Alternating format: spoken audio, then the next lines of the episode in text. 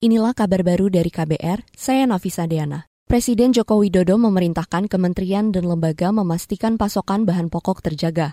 Hal itu ditekankan Jokowi untuk mengantisipasi lonjakan harga pangan menjelang Idul Fitri. Yang penting pasokannya selalu ada.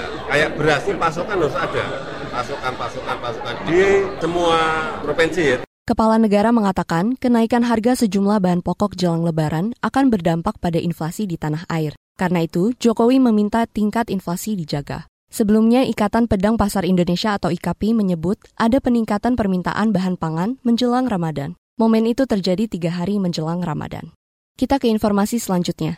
Menteri Hukum dan HAM Yasona Lauli berencana membangun lembaga permasyarakatan baru untuk mengatasi kelebihan kapasitas atau over capacity. Kata dia, anggaran pembangunan lapas bersumber dari pencadangan dana belanja. Itu disampaikan Yasona saat rapat kerja dengan Komisi Hukum DPR di Jakarta hari ini. Kami di PAS ada anggaran, tetapi tahun ini terpaksa ada automatic adjustment 500, 550 di PAS. Ini juga membuat kami reposisi dan reevaluasi lagi anggaran pembangunan lapas yang menangani overkapasitas. Kita harapkan kalau kondisi itu bagus, nanti yang 500M yang bisa dicabut automatic adjustmentnya kita gunakan anggaran ini. Jadi memang ada terkendala-terkendala dalam perencanaan seperti itu. Menteri Hukum dan HAM Yasona Lauli menambahkan, peluang dibukanya pencadangan dana akan bergantung pada kondisi ekonomi di tanah air, khususnya menyangkut pendapatan negara dari sejumlah sektor. Sebelumnya ada 10 lapas di tanah air yang kelebihan penghuni. Dari jumlah itu, lapas kelas 2A di kota Bagan Siapi-Api, Kabupaten Rokan Ilir, Provinsi Riau, yang paling melebihi kapasitas.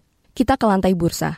Indeks harga saham gabungan atau IHSG ditutup menguat 79,1 poin ke level 6.893 atau menguat 1,1 persen dibanding penutupan sebelumnya. Sore ini transaksi perdagangan mencapai 11 triliun dengan jumlah saham yang diperjualbelikan sebanyak 19,8 miliar. Tercatat ada 327 saham menguat, 211 terkoreksi, dan 194 stagnan. Sementara kurs rupiah di pasar spot menguat 0,19 persen di akhir perdagangan sore ini. Rupiah ditutup di level 15.056 per dolar Amerika. Rupiah kembali menjadi mata uang dengan penguatan terbesar di Asia. Demikian kabar baru dari KBR, saya Nafisa Deana.